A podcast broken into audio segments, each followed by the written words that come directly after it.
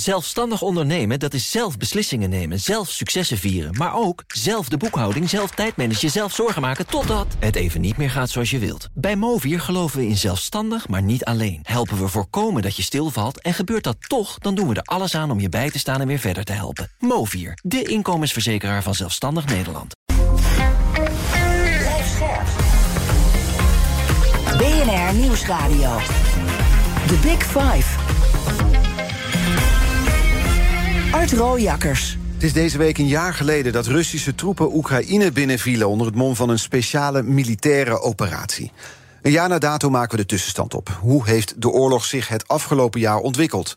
Wat waren de belangrijkste omslagpunten in de strijd en welke geopolitieke verschuivingen hebben er plaatsgevonden? En wat zijn de mogelijke scenario's voor de toekomst? Daar ga ik deze week over in gesprek met vijf experts en BNR's Big Five van één jaar oorlog. Vandaag de gast Patrick Bolder, voormalig luitenant-kolonel van de Koninklijke Luchtmacht. Twee keer uitgezonden naar Pal Palestijns grondgebied. En tegenwoordig defensiespecialist bij Den Haag Centrum van Strategische Studies. Voor strategische studies. Voor strategische studies. Voor strategic studies, zo wordt ook al gezegd. Welkom. Goedemorgen. Voordat we het gaan hebben over de fases waarin de oorlog te verdedigen valt, wil ik graag twee dingen van je weten. Allereerst, deze week dus een jaar geleden dat die oorlog begon. Zijn die twaalf maanden voor je gevoel voorbij gevlogen? Of ging het jaar ja, pijnlijk langzaam, zoals sommige veldslagen in Oekraïne? Nee, dat is echt wel heel hard uh, voorbij gevlogen. Kijk. Uh, sowieso ben ik vanuit mijn beroep altijd al geïnteresseerd geweest in geopolitiek. En ja, nu uh, oorlog echt heel dichtbij is gekomen op ons eigen continent, wat we eigenlijk niet verwacht hadden. Ja, ben ik daar dagelijks toch wel mee bezig. Uh, websites afspeuren en dat soort dingen. Wat gebeurt er nou precies? Een heleboel desinformatie is er ook. Dus je moet altijd heel voorzichtig zijn met je uitspraken. En daarom moet je ook heel veel bronnen bestuderen eigenlijk. Ja, dat is bijna wel een dagtaak geworden. Maar ik laat me niet mijn leven erdoor overheersen. Nee, nee. Want, is het een jaar van verrassingen geweest? Of word je dan als specialist denken, ja, dit is, dit is zoals een oorlog? Nee, nee, eigenlijk best wel veel verrassingen over hoe de oorlog gevoerd is aan de Russische kant. Hoe groot de weerstand is aan de Oekraïnse kant. Hoe aaneengesloten de Europese Unie en de NAVO gebleken zijn. Um, en dat zijn eigenlijk allemaal best wel verrassingen. Uh, en voor ons positieve verrassingen in het Westen. Je zei al, ik laat mijn leven er niet door beheersen. Dat past mooi aan bij de tweede vraag waarmee ik wil beginnen. Of die oorlog je als trouwe volger van het conflict dag en nacht wakker houdt, of dat je nog wel genoeg slaapt? Nee, ik slaap wel genoeg, ja. Uh, ik vind het boeiend wat er allemaal gebeurt. Uh, ook zorgelijk uh, dat onze normen en waarden in het Westen onder druk komen te staan. Niet alleen door die oorlog, maar ook door de, ja, de vele nuttige idioten die overal in de wereld rondlopen en die zich beïnvloed, die beïnvloed zijn door de Russische desinformatiecampagne, zoals we dat gisteren ook weer van president Poetin hebben gezien. Um, en dat baart me wel zorgen dat mensen daar zomaar in meelopen. Um, ik probeer ook altijd voorzichtig te zijn dat ik niet alleen maar de media volgt die het positieve beeld schetsen voor ons. Um, maar als je goed volgt wat er aan de hand is, dan, dan zie je de waarheid wel. Ja, en die nuttige idioten vinden we terug in de politiek in, in alle landen. Overal, ja. ja. ja. Er gebeurt natuurlijk niet alleen in die oorlog, uh, is dan focus voor een specialist, maar ook ja, andere landen volgens mij. Deze week zien we China die zich mm -hmm. uit of Amerika. We hebben het goed gehad met die spionageballon, of was het nou toch een weerballon, zoals de Chinezen zeggen. Zijn het zaken waar je ook mee bezighoudt? Ja, natuurlijk. Um, die hele internationale die zich nu aan het eh, resettelen eigenlijk. En uh, ja, dat maakt het wel heel erg boeiend. In wat voor soort wereld gaan wij straks weer acteren? Want deze oorlog houdt ooit op. En ik zal daar de kettingvraag aan Laurine ook over stellen straks. Mm -hmm. Die morgen komt. Ja. ja. Um, dus ja, alles wat er gebeurt in de wereld hangt met elkaar samen. En ook die, de oorlog in Oekraïne is geen geïsoleerd oorlog, uh, geïsoleerde oorlog. Het is een, hangt samen met allerlei machtsontwikkelingen uh, die nu plaatsvinden in de hele wereld. Dus ja, dat moet je ook blijven volgen. Ja. Laten we kijken naar de laatste stand van zaken, militair gezien in Oekraïne. Ik kwam vandaag een verhaal tegen in de Engelse krant The Guardian, waarin ik deze cijfers tegenkwam: dat er grote uh, aantallen slachtoffers zijn aan de Russische kant. Er wordt gezegd dat de laatste, de laatste week was dat een claim dat uh, Rusland 2000 soldaten verliest per 100 meter die ze winnen in het oosten van Oekraïne. Per week, ja. ja um, dat zijn 2000 soldaten per 100 meter. Ja. een heel cynisch sommetje. Ja, ja absoluut. En, en dat maakt het ook eigenlijk wel eens zorgelijk. Um, meestal zeggen we een oorlog eindigt als een van de partijen de pijn te groot vindt worden, de offers te groot vindt worden. Um, en die offers aan de Russische kant die zijn erg groot. Als je de Oekraïners moet geloven, en dat moet je met een kooltje zout nemen, zijn er al bijna 150.000 Russische militairen afgesneuveld of uh, uitgeschakeld door grote verwondingen. En gisteren zei Jans Willems hier, de baas van de MVD, had zelfs voor 200.000. Ja. Nou ja, ja, die. Kijk, het zijn onbevestigde berichten. Ja, het zijn in ieder geval enorme aantallen. Ja, het zijn enorme aantallen. En, en Poetin vindt dat allemaal prima dat zijn volk zo leidt. Of het volk dat ook zo is, dat vindt, dat weet ik niet. Maar die hebben niet veel te vertellen in dat land. Dus de pijn voor Rusland wordt niet snel te groot?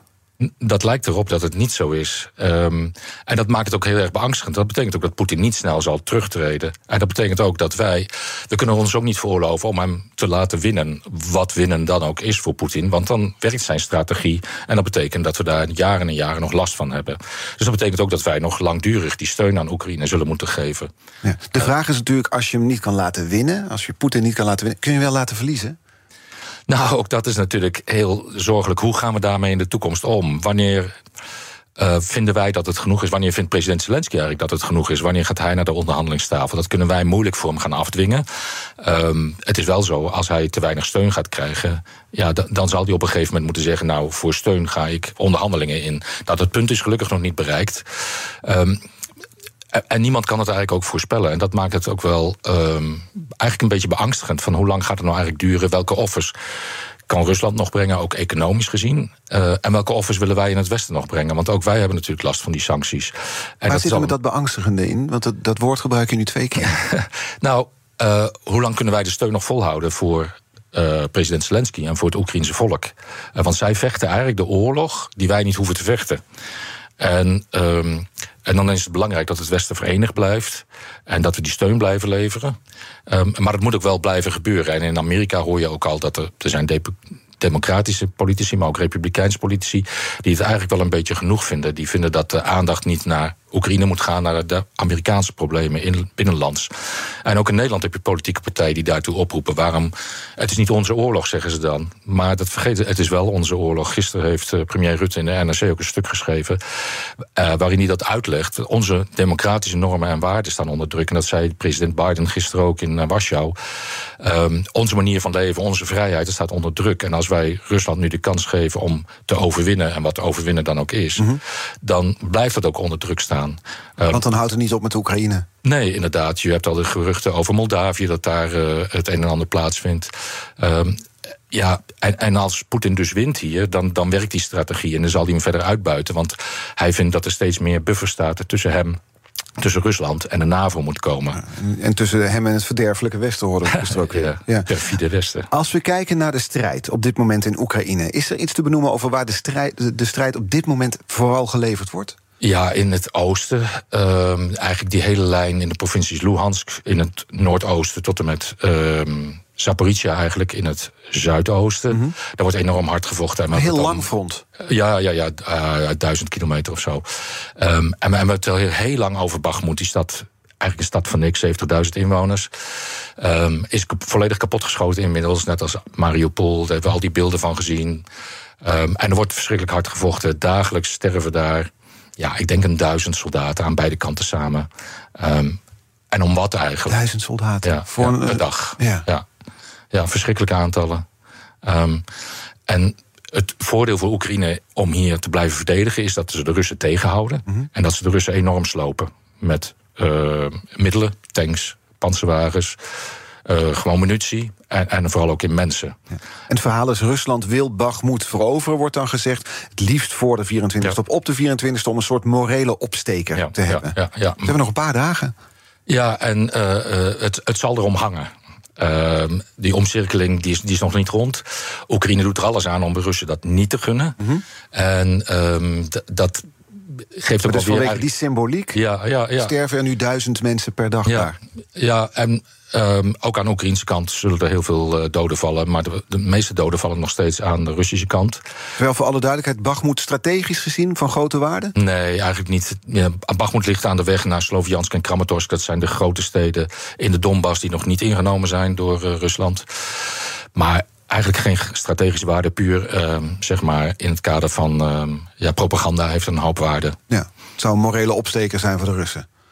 Ja, maar eigenlijk is het een Pyrrhus-overwinning. Want ze hebben daar ondertussen in die strijd, die al bijna acht maanden duurt daar, om dat stadje. Daar hebben ze enorm veel mensen verloren. Die Wagner-groep die heeft daar iets van 30.000 man verloren, als ik het goed heb. Dus dat zijn echt verschrikkelijke offers. En volgens mij de ene soldaat, die Russische soldaat die oprukt, die moet over de lijken van zijn voorgangers heen. Ja, dat is ook niet echt motiverend volgens mij. Tegelijkertijd probeert Oekraïne de Russen daar dus tegen te houden, zo lang mogelijk. En tijd is volgens mij in het voordeel van Oekraïne, omdat er straks zwaardere wapensystemen komen. toch? Ja, ja er wordt nu gesproken, is dit nu het lenteoffensief eigenlijk wat de Russen nu aan het doen zijn? We zien wel dat sinds een week of drie er veel meer Russische troepen nu uh, in dat front aanwezig zijn en echt hard proberen te duwen en hele kleine tactische overwinningen ook halen en de Oekraïners hier en daar weer terugduwen.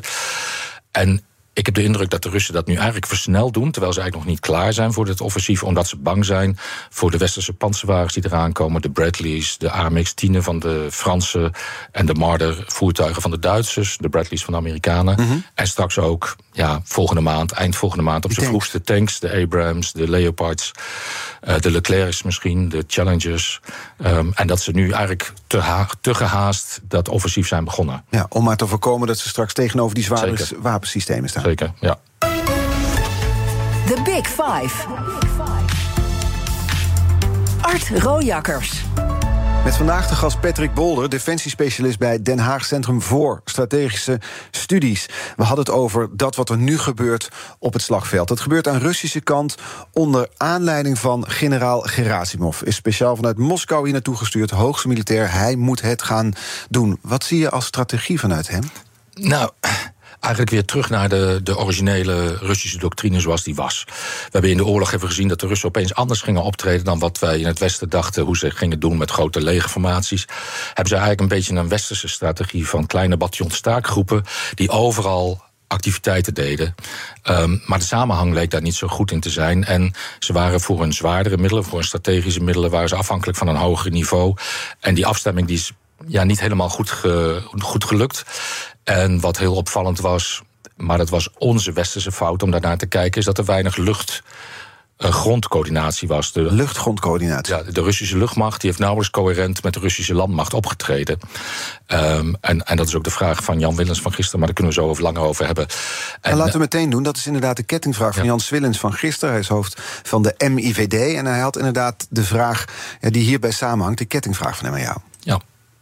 Patrick heeft natuurlijk een hele uitgebreide ervaring bij, uh, bij de luchtmacht. We hebben het afgelopen jaar het luchtwapen eigenlijk maar heel beperkt ingezet zien worden. Aan beide kanten. En ik ben benieuwd naar wat uh, de analyse van Patrick is, waar dat door komt. Dus dat zou ik hem eigenlijk, uh, eigenlijk willen vragen. Ja, dat is een hele interessante vraag. Ik was er zelf ook nieuwsgierig naar. Maar veel meer mensen het Royal United Services Institute in uh, Londen heeft er ook een studie naar gedaan. Justin Bronk, een hele bekende professor daar. The Curious Case of the Missing Russian Air Force. Um, wij hebben met onze westerse bril daarnaar gekeken. En in onze westerse manier van optreden zien wij heel belangrijk die luchtgrondcoördinatie. Dus hoe treedt de luchtmacht samen met de landmacht op? Um, en wij vinden dat eigenlijk het verkrijgen van luchtoverwicht is het belangrijkste voorwaarde voordat je het grondoffensief ingaat. Mm -hmm. Aan de Russische kant, die hebben de Sovjet-doctrine nog en ook de Oekraïners trouwens voor een groot gedeelte, is dat veel minder belangrijk. Het grondoptreden is veel belangrijker. Het een heel groot, zijn hele grote legers met heel veel tanks, panzervoertuigen en vooral heel veel artillerie. Ja, dus en die artillerie is het belangrijkste. gewoon kapot schieten. Ja, ja, die artillerie is het belangrijkste wapen. Alles voor je kapot schieten en de vijand terugdringen en dan over de grond erin gaan. Dus dat luchtoverwicht is in hun ogen veel minder belangrijk. Die oorlog op 24 februari begon wel op een manier dat ik dacht van dat is militair correct optreden. Laat Ze wilden die vliegvelden rondom ja. Kiev innemen, dat Hostomel waar het veel over gaat, ook maar, de laatste dagen. Ja, maar ook de Russische luchtverdediging uitschakelen, of de Oekraïnse luchtverdediging uitschakelen, de Oekraïnse luchtmacht uitschakelen. Maar dat hebben ze veel te kort volgehouden, maar een dag of twee. Um, en dat betekent dat de, Russisch, dat de Oekraïnse luchtverdediging niet uh, volledig kapot was. Uh, hun mobiele systemen konden ze terugtrekken, die konden ze ergens anders neerzetten. Hun vliegtuigen konden ze ook terugtrekken van vliegbasis. En daar hebben ze geïmproviseerde vliegbasis voor gebruikt. Mm -hmm. En zo heeft Rusland nooit luchtoverwicht gekregen en kon Oekraïne nog steeds optreden in de lucht. Maar hoe kan het dat ze na twee dagen daarmee stopten?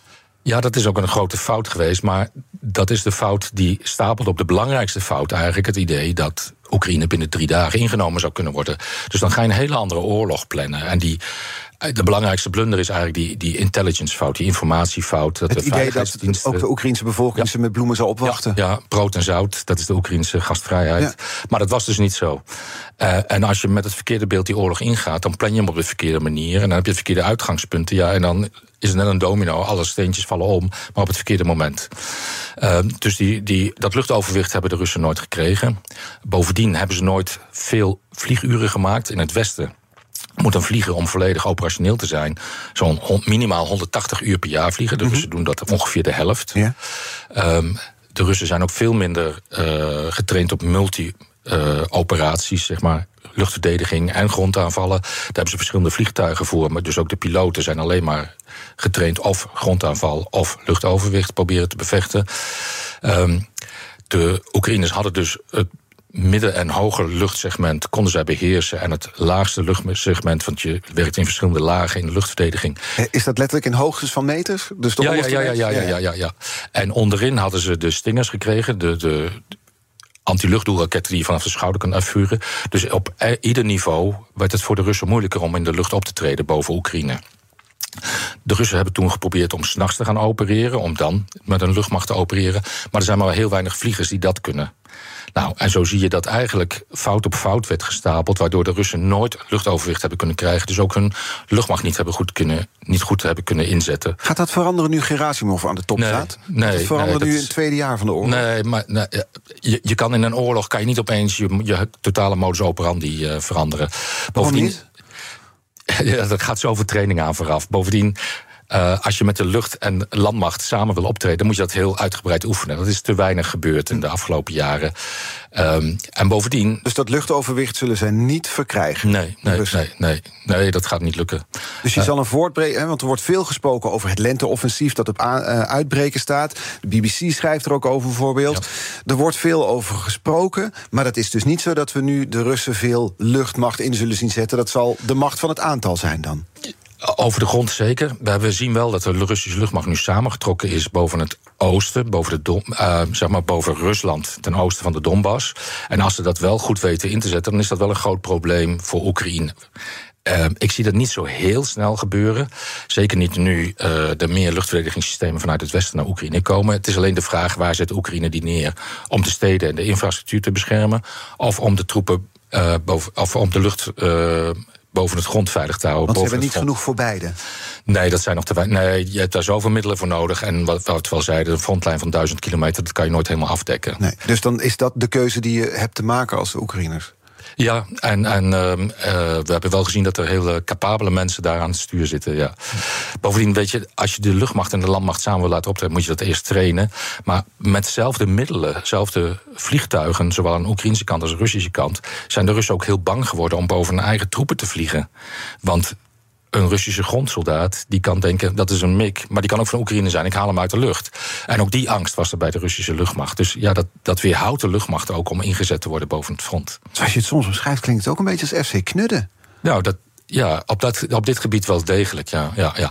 Kijk, in het Westen houden wij jaarlijks oefeningen met de luchtmachten, een red flag, en echt onder realistische omstandigheden oefenen. Zowel uh, luchtoverwicht verkrijgen als penetreren in het vijandelijke luchtruim mm om gronddoelen aan te vallen. Ja, de Russen kennen niet zoiets. En dat is toch wel essentieel. Wil je dat echt goed doen, die grondluchtcoördinatie, dan moet je dat ook van tevoren oefenen.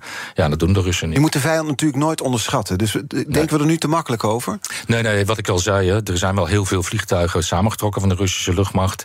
En als Rusland uh, het vermogen krijgt om die goed in te zetten, goed af te stemmen, die kans is niet zo heel groot. Maar als ze dat wel doen, ja, dan is dat wel een groot probleem voor de Oekraïners. Ja. Gisteren die speech van Poetin ongetwijfeld gekeken, ja, geluisterd, net als wij allemaal zo'n beetje. Hij maakte daarin duidelijk dat hij het zogeheten startverdrag opschort. Dus het verdrag dat bedoeld is om de wederzijdse nucleaire dreiging in te dammen. Amerikaanse inspecteurs die in Rusland kunnen inspecteren en andersom. Ja. Hoe duid jij deze stap van Poetin? Ja, de hele toespraak van Poetin was eigenlijk gericht op het eigen volk. Uh, het ging eigenlijk niet over de oorlog en de doelstellingen en de fases en de verliezen en de winsten. Um, en, en dit stukje was puur gericht op ons. Um, kijk, hij wil die nucleaire optie op tafel houden. Hij weet dat dat een breekpunt kan zijn in de westerse steun. Dus als hij dit zegt, dan, dan gaan mensen hier misschien sidderen. Ik vind het niet zo realistisch. Eigenlijk was het al opgeschort wat hij zei. Ik ga het opschorten, want die inspecties vonden al niet meer plaats, die wederzijdse inspecties. Uh, sinds corona zijn er geen inspecties meer geweest. Uh, en bovendien werkte Rusland toen het wel ging, uh, die inspecties ook niet altijd even goed mee. Hm. Dus ja, het is puur eigenlijk voor de bühne om even weer. Luister eens, ik heb kernwapens en jullie moeten er bang voor zijn. En als jullie de steun in, in stand houden, dan zou het zomaar kunnen dat. Maar ik vind die kans niet zo heel groot meer. Tegelijkertijd zei NAVO-baas Stoltenberg dat met het opschorten van het startverdrag de complete architectuur van wapenbeheersing is gesloopt. Nou, dat is voor een deel al gesloopt. Natuurlijk onder Trump, die heeft het eh, INF-akkoord al opgezegd. Omdat ook de, de Russen zich er niet aan hielden. En dat is ook bevestigd door onze eigen veiligheidsdiensten. Um, en dit is weer een volgende stap. Ja, en dat is wel zorgelijk. Dat er dus ook geen overleg meer plaatsvindt over de beperking van kernwapens. Maar ja, Rusland heeft wel 6000 kernwapens. En, en Amerika heeft er iets minder, 5500 of zo. Um, maar het feit dat er ook helemaal geen vertrouwen meer is en geen vertrouwenwekkende maatregelen meer zijn, ja, dat is niet goed voor de internationale veiligheid. Nee. Dus dat, dat gebeurt er dan vanuit Poetin. Hij, uh, hij, schort het op, hij houdt die speech, heeft Gerasimov richting Oekraïne gestuurd. Als jij nou het afgelopen jaar overziet, is er iets te zeggen hoe vaak de Russen hun tactiek hebben moeten wijzigen? Nou, we, we, hebben wel gezien dat, dat natuurlijk de, eerste, de aanvankelijke fouten waar we het net over hadden. Ehm, de Russen hebben heel snel heel veel gebied veroverd. Mm Kiev, Kharkiv, in het zuiden vooral. Um, en dat was eigenlijk de eerste fase. Een grootschalig offensief, een soort van blitzkrieg. Um, en toen ging dat een beetje stilstaan. De Russen moesten weg bij Kiev. Ze zijn uh, en toen is het een, heeft het een poosje stilgestaan. Toen, kreeg, toen zagen we eigenlijk die, um, die massamoorden en, en die martelingen die in Bucha hebben plaatsgevonden aan Irpin. Toen is de westerse steun op gang gekomen. En toen is eigenlijk een tweede fase begonnen. Want toen zijn die, die HIMARS-raketten geleverd, waarmee Oekraïne echt in de diepte kon. En toen hadden ze weer een overwicht. En toen konden ze inderdaad de provincie Kharkiv bevrijden. En een noordelijk deel van de provincie Gerson. En dat gebeurde op 11 november. Daarna zien we weer een soort van padstelling. Dus dat is dan de derde fase. En ja, je zou zeggen, die duurt eigenlijk nog steeds een beetje voort. Alhoewel de Russen nu wel harder aan het drukken zijn in het oosten. Met, als dit een offensief is, ja, weet je, als het hierbij blijft, dan leidt het nergens toe. Als ze die luchtmacht goed weten in te zetten, dan heb je kans dat ze wat meer gaan winnen. Maar echt de hele Donbass veroveren voor eind maart, wat de opdracht lijkt te zijn van president Gerasimov, ja, dat zie ik ook niet gebeuren. Morgen dan is Laurien Krump te gastonderzoeker internationale betrekkingen aan de Universiteit Utrecht. Je kunt je abonneren op onze podcast via je favoriete podcastkanaal. Dan hoef je geen aflevering te missen. En zometeen spreek ik verder met defensie-expert Patrick Bolder over de voortgang van de oorlog in Oekraïne. En dan bijvoorbeeld ook aan Oekraïnse kant. Wat uh, gaan die zware wapens uit het Westen betekenen? Wordt het een gamechanger, zoals gezegd wordt? Blijf luisteren. Zelfstandig ondernemen, dat is zelf beslissingen nemen, zelf successen vieren. Maar ook zelf de boekhouding, zelf tijdmanagen, zelf zorgen maken totdat het even niet meer gaat zoals je wilt. Bij Movier geloven we in zelfstandig, maar niet alleen. Helpen we voorkomen dat je stilvalt en gebeurt dat toch... dan doen we er alles aan om je bij te staan en weer verder te helpen. Movier, de inkomensverzekeraar van Zelfstandig Nederland. Maak jij je vandaag zorgen over netcongestie? Fudura helpt je bedrijf om ook morgen zeker te zijn van energie. Door vanuit data energieoplossingen slim te combineren. Zo installeren wij bijvoorbeeld een batterij om je extra opgewekte zonne-energie niet verloren te laten gaan. Kun jij onbezorgd verder met vandaag? Kijk op Fudura.nl. Fudura. De verandering voor. BNR Nieuwsradio. The Big Five. Art Rooijakkers. Welkom bij het tweede halfuur. Deze week spreek ik eh, vijf experts over één jaar oorlog in Oekraïne. Later deze week is dat bijvoorbeeld nog BNR's eigen buitenlandcommentator Bernard Hammelburg... over de grootste geopolitieke verschuivingen van het afgelopen jaar. De gast vandaag, Patrick Bolder, defensiespecialist bij Den Haag Centrum voor Strategische Studies. Komende half uur wil ik graag nog twee onderwerpen sowieso met je bespreken. De inzet van autonome mhm. wapens, okay. uh, vechterrobots zullen we ze maar noemen. En de westerse toezegging van tanks. Nou, met het laatste beginnen, we hadden het er al over. De Russen hebben haast, lijkt het wel, met het offensief. Je zei het voelt wat ondoordacht soms. Omdat ze nu terreinwinst willen boeken... voordat die zwaardere wapens Oekraïne binnenkomen. Wat te verwachten is later dit voorjaar. Hoe belangrijk was die toezegging van de Amerikanen... in eerste instantie voor de Abrams tanks... en daarna die Duitse toezegging voor de Leopard 2 tanks?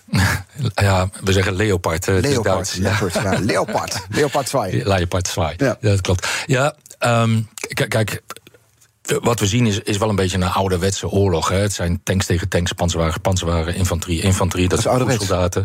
In principe is dat wel ouderwets. Want je staat eigenlijk met dezelfde soort middelen, met de koppen tegen elkaar te beuken. En daarom zie je ook dat het ja, vastgelopen is. Een, een loopgravenoorlog, bijna Eerste Wereldoorlog. Dus ja, dat is dan meer dan 100 jaar geleden. Uh, en aan de andere kant zie je ook weer moderne wapensystemen. Dus je ziet van alles wat. Ik hoorde Mark de Kruijf erover zeggen, over die loopgravenoorlog, dat het bijna onvermijdelijk is. Als je geen land wil opgeven, dan kom je uiteindelijk in een loopgraaf terecht. Ja, een wetmatigheid. Ook, ja, maar ook als je dezelfde soort middelen hebt. Um, dus dat je niet de ander uh, asymmetrisch kunt aanpakken. Uh, en we hebben dat wel gezien toen die HIMARS kwamen. Toen hadden de Oekraïners in één keer een, een overwicht, omdat zij middelen hadden met grote precisie en in de diepte konden ze optreden, gebaseerd op goede inlichtingen. En hebben ze daar echt mee de provincie Kharkiv en het noordelijk van die provincie Gerson kunnen schoonvegen. HIMARS zijn, is dat lange afstandsraketsystemen? Ja, ja, ja, die hadden wij vroeger ook. Die hebben we weer verkocht en die gaan we nou weer terugbestellen het kan raar lopen. Ja. Um, maar je ziet dus dat, dat soort wapensystemen ook echt verschil maken in de strijd. Gaat dat dus ook gebeuren met die Amerikaanse en Duitse tanks? Nou, we, we verwachten wel, en uh, ik denk ook wel dat het zo is, dat de kwaliteit van de Duitse en de Amerikaanse tanks en ook de, de Britse Challenger tanks, dat die beter is dan de T-72, T-80, T-90 tanks die de Russen hebben. Ja.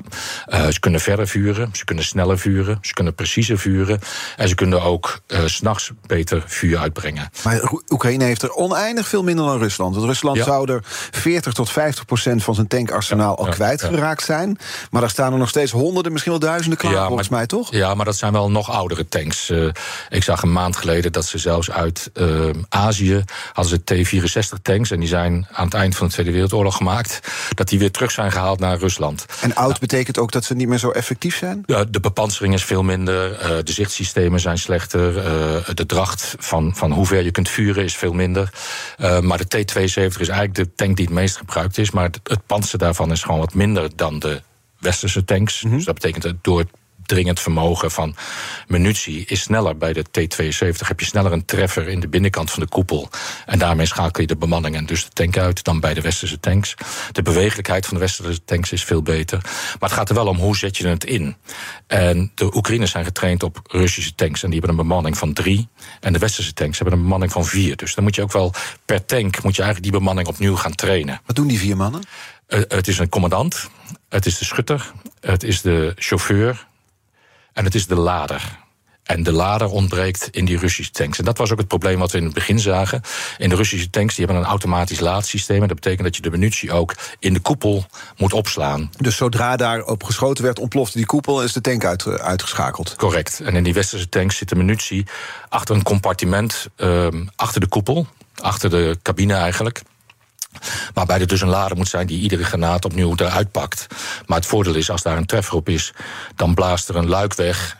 Uh, en, en, en die eigenlijk alle explosieve kracht buiten de tank leidt in plaats van in de tank. Dus de overlevingskracht uh, is groter van de westerse tank. Ja, maar je zei al, de Oekraïnse soldaten of strijdmacht is ingesteld op die Russische tanks. Nu krijgen ze een Amerikaanse, een Duitse, een Britse, een Franse, ja. allemaal verschillende gevechtstanks. Dat lijkt mij een behoorlijk organisatorische uitdaging. Ja, uh, sowieso is dat heel erg lastig. En dat is een beetje een blessing in disguise. Want dat betekent ook dat je voor al die vier verschillende tanks.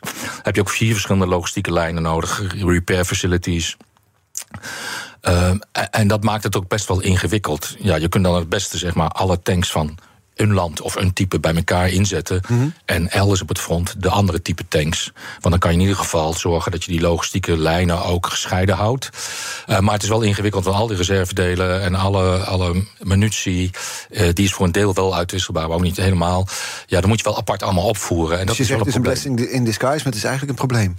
Uh, uh, ja, als ze daar niet goed mee omgaan, dan is het ook een heel erg probleem om al die tanks weer in de benen te houden en inzetbaar te houden en operationeel hun werk te laten doen aan het front. Ja, je, maar, maar het is beter krijgt, dan niks. Nee, natuurlijk. Ja. Maar je krijgt dus een tank, dan moet je dus je mannen nog voor trainen yep. die dat kunnen. Dat zal nu ongetwijfeld gebeuren. Ja, de al. eerste bemanningen zijn al getraind. Ja. Uh, en, die, en straks kunnen zij zo'n tank besturen, ze kunnen hem laden, ze kunnen ermee het slagveld op. Is dat dan een onoverwinnelijk wapen? Is dat onuitschakelbaar? Nee, nee dat, daarmee ben je er nog niet. Want de tank heeft ook zijn inherente uh, zwakheden. Dus je moet hem ook beschermen. En dan moet je samen met de infanterie optreden. Nou, dat kunnen ze wel, maar de radio's moeten dan ook nog werken. En de westerse tanks hebben natuurlijk radio's die niet per se uh, compatibel zijn met de radio's die de Oekraïnse infanterie heeft. Dat is, niet, dat is niet een uniform systeem. Nee, want het is ook allemaal weer beveiligd, omdat je natuurlijk geen informatie wil weggeven. Dus ja, net als de hele discussie over jachtvliegtuigen. Um, het is makkelijker gezegd, maar voordat je ze operationeel hebt ingezet en goed hebt ingezet en er echt een vuist mee kunt maken, daar gaat wel wat tijd overheen. Gaan we dat dit jaar al zien met die tanks dan? Want je hebt dus eigenlijk infanterie troepen nodig die samen met die tanks kunnen optrekken, moet ik het zo voor zien? Ja, ja, Ze gaan voor die tank uit bijvoorbeeld. nou, eigenlijk, die, die tank die gebruik je om zeg maar, de deur in te trappen. Maar dan zorg je wel dat die infanterie daar kort bij zit om de flanken te beveiligen. Zodat er niet een Rus met een antitankwapen nog even achterblijft. Ja, maar dan moet je dus vanuit die tank kunnen zeggen: oké, kom maar naar voren. Maar dat kan nu niet, omdat ze elkaar via de radio niet dat kunnen Dat moet heel goed worden afgestemd. Um, en, en ze zullen daar best wel wegen voor vinden. Maar het is niet zo, we rijden die tanker in en hij is meteen inzetbaar. En dat moet je niet verwachten. Daarom ook die, die, die opleiding voor die tankbemanningen. Maar daarna moet je nog de integratie doen samen met je infanterie. om te zorgen dat je daar echt uh, een behoorlijke stootkracht mee kunt uitoefenen. Had Duitsland niet gewoon alleen die Leopard-tanks moeten sturen? Ik bedoel, Scholz, bondskanselier ja. Scholz, wilde dat alleen op voorwaarde van een coalitie met de Amerikanen. Hij wilde het niet alleen doen. Ja, ja, ja, is dat, dat nou is, politiek? Of is dat ja, dat is puur de politiek. Uh, kijk, Scholz wil wel, denk ik. Maar ook in Duitsland. Um, is de weerstand tegen deze oorlog en het weerstand tegen het leveren van wapens groter dan in Nederland. Van oudsher hebben de Duitsers wel redelijk goede betrekkingen met Rusland altijd gehad. Kijk naar het Nord Stream project. En um, het is niet logisch dat Duitsland dat zomaar wil opgeven. Bovendien, Scholz is van de SPD. Mm -hmm. is altijd wel een, een partij geweest die de goede banden met uh, Rusland wilde onderhouden. En in zijn eigen partij uh, zijn er echt veel mensen die, die dat best wel lastig vinden. En ik kan hem ook wel voorstellen. Um, maar aan de andere kant. Um, bovendien is de coalitie ook moeilijk tot stand gekomen in Duitsland. Dus ja, Scholz is ook een beetje aan politiek aan het koorddansen. Ja. En dat is het probleem daar geweest. Dus met als gevolg dat er een politiek compromis straks te zien is op het slagveld in Oekraïne. Ja, zo zou je het wel kunnen zeggen, ja. ja. ja. Maar het is beter dan niks, want we moeten de Oekraïners blijven steunen, waar we het eerder over gehad hebben. Dat het onze eigen democratische waarden.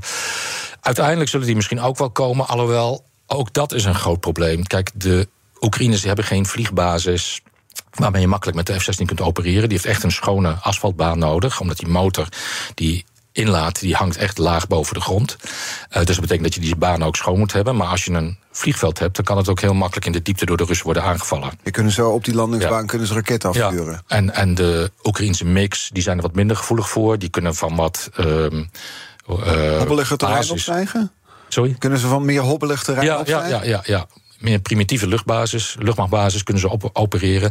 En bovendien die F-16, ja, de Oekraïners hebben helemaal geen westerse vliegtuigen. En ook daar geldt weer, als jij ze wil onderhouden... in Nederland zijn we bezig om een onderhoudsmonteur minstens een jaar op te leiden daarvoor. Nou, met name onder oorlogsomstandigheden slijt materiaal harder en zul je meer reparatie moeten doen. Um, kijk, het vliegen van zo'n F-16, dat zullen de, Russische, de Oekraïnse piloten wel makkelijk kunnen. Maar het opereren als wapensysteem, Um, dat is nog wat ingewikkelder. Want ook de Oekraïners hebben geen red flag oefeningen. En wij leiden onze piloten op door middel van als ze op het squadron zijn, dan gaan ze eerst zo'n zo'n red flag oefening doen, zodat ze alle missies kunnen uitvoeren, dat ze weten hoe de systemen Wat werken. Wat is een red flag oefening concreet? Sorry, red flag is een hele grote oefening van de luchtmachten. Wordt gehouden in Nevada, in, uh, Amer in Amerika. Waarin je eigenlijk alle gevechtshandelingen simuleert. Ja, maar, maar niet alleen uh, het vliegen en het aanvallen van gronddoelen. Ook hoe ga je met een grote luchtmacht operatie plannen? Wat heb je er allemaal bij nodig? Tankvliegtuigen, uh, radarvliegtuigen. Um, je wil uh, de vijandelijke luchtverdediging gaan onderdrukken. Je wil het misschien gaan vernietigen. Je moet luchtgevechten voeren. En je wil uiteindelijk ook die, boel, die bom op dat doel hebben. Nou, om dat helemaal te plannen, dat is een hele ingewikkelde operatie. En als je dat kunt, dan ben je pas effectief militair inzetbaar. Ik hoorde andere deskundigen zeggen... dat gaat dit jaar echt niet meer gebeuren, die F-16's. Als ze al geleverd worden, gaan die echt niet dit jaar in de oorlog meer ingezet worden. Nee, die kans wordt steeds kleiner. Hoe, hoe verder dit, die uh, dat, dat, besluit vooruitgeschoven wordt. Kijk, Sjoerd Sjoerdsma van D66, Tweede Kamerlid, die heeft gezegd... we moeten nu gaan opleiden, die Oekraïnse piloten gaan opleiden op de F-16. Dat klinkt heel sympathiek. Uh, misschien is het ook helemaal... Engeland doet dat al, hè, volgens mij. Wie? In Engeland nou, dat al, die hebben niet de F-16, die hebben weer de, uh, de Eurofighter. toch? Ja, ze hebben het erover gehad. Volgens mij vindt het nog niet plaats. Nee. Um, maar goed, het, er gaat wel een dreiging vanuit en een signaal naar Rusland. En dat is misschien wel het belangrijkste eigenlijk in het voorstel van Schulz. Maar van kijk eens, wij zijn bereid om F-16's op termijn te leveren. Bovendien, op de lange termijn moet Oekraïne dat misschien ook wel doen. Want die gaan geen Russische wapensystemen meer kopen. Maar dan moeten ze dus helemaal omschakelen van Sovjet wapensystemen naar westerse wapensystemen.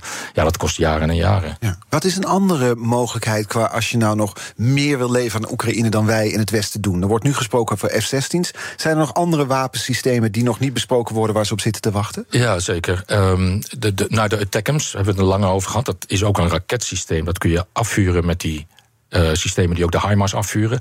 Maar dat is een raketsysteem dat tot 300 kilometer in de diepte gaat. Daartussenin zit eigenlijk, en dat is een makkelijke optie, de Ground Launched Small Diameter Bomb, zoals ze het noemen.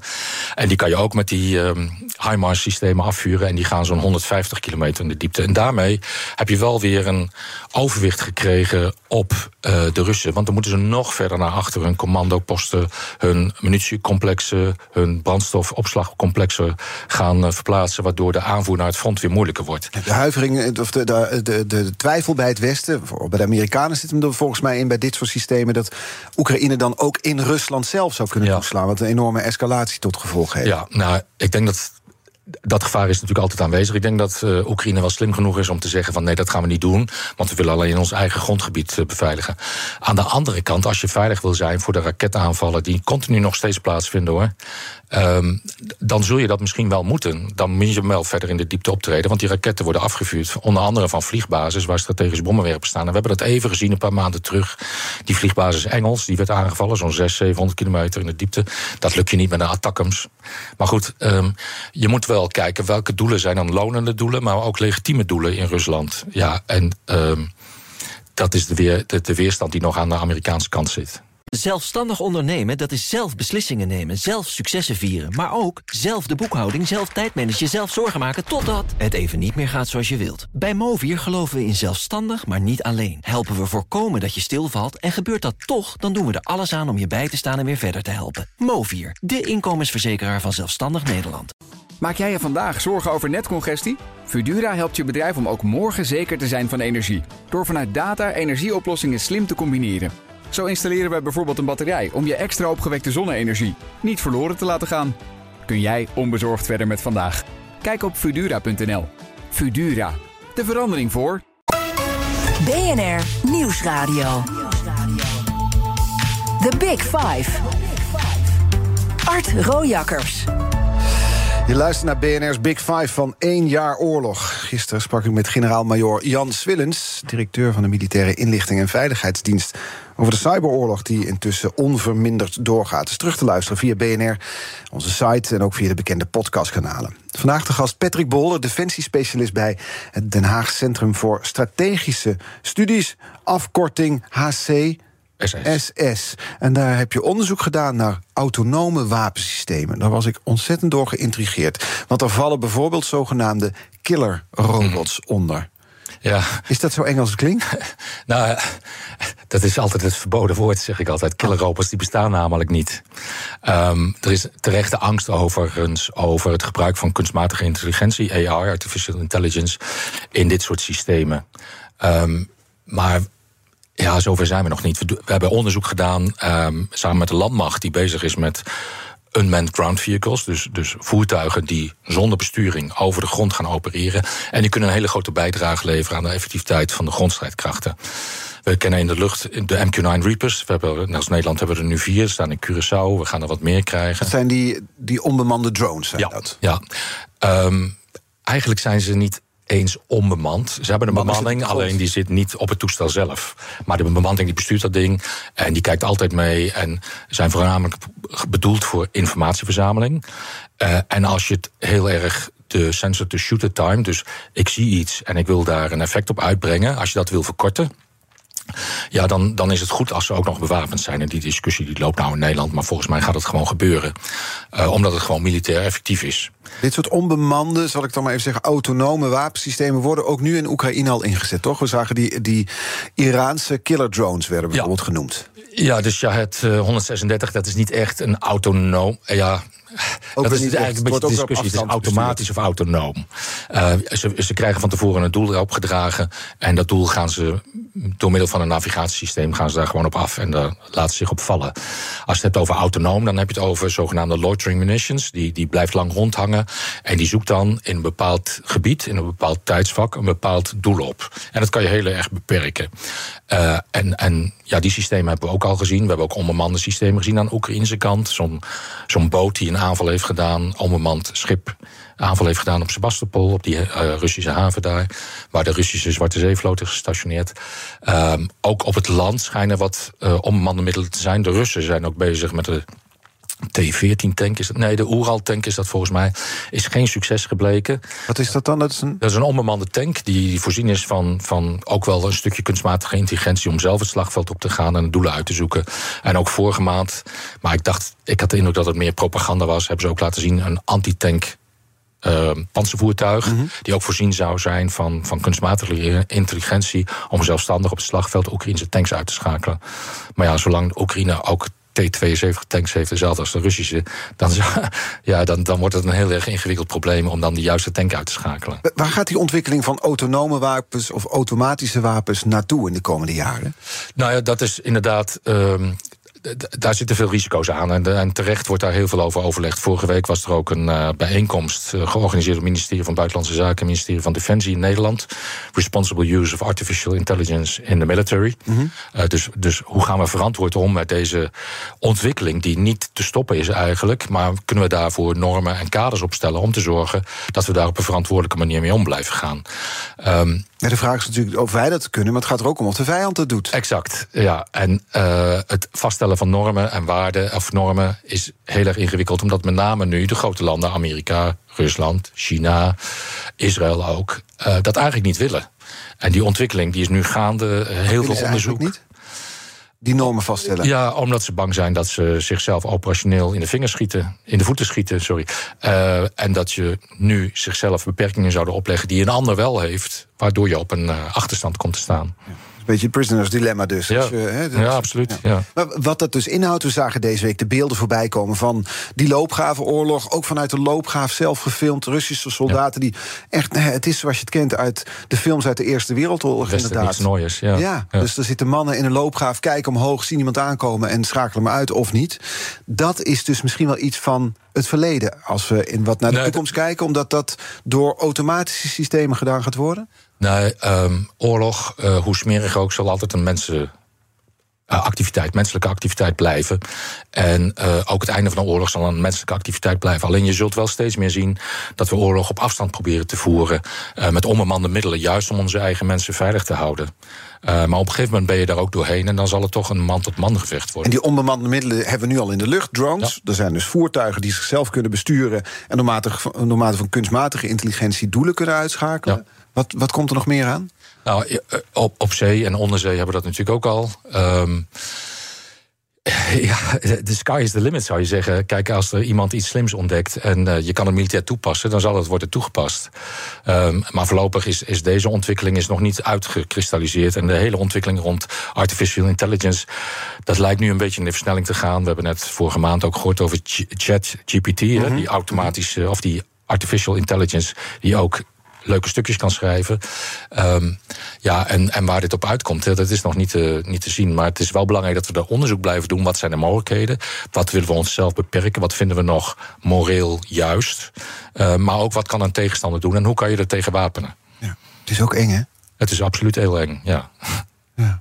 Ja. niet dat mensen zo, het zo goed doen in een oorlog als je er tegenover staat. Nee. Maar ja, dit, dit, het feit dat een systeem bepaalt of jij uitgeschakeld kan gaan ja, maar, worden of maar, niet. Maar soms heb je het ook wel nodig, omdat gewoon de tijdfactor te, te, te kort is. Je hebt te weinig tijd om te reageren. We hebben nu ook al zelf automatische of autonome systemen. Bijvoorbeeld de Patriot, die kan op een stand gezet worden dat hij zelf een vliegtuig ziet en op basis van de gedragingen en van de signalen die hij uitzendt, dat als een vijand klassificeert en dan een raket eruit stuurt mm -hmm. om, die, om dat vliegtuig neer te halen. Ja, dus de, de toekomst is al hier. We gaan naar de kettingvraag. Morgen is Laurien Krump de gast, onderzoeker internationale betrekkingen aan de Universiteit Utrecht. Wat zou je van haar willen weten?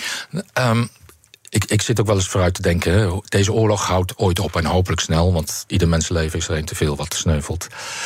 Um, hoe ziet straks de veiligheidssituatie eruit? Naar mijn mening een soort koude oorlog opnieuw met een ijzeren gordijn. Maar uiteindelijk zullen we weer moeten een soort van normaliseren met Rusland.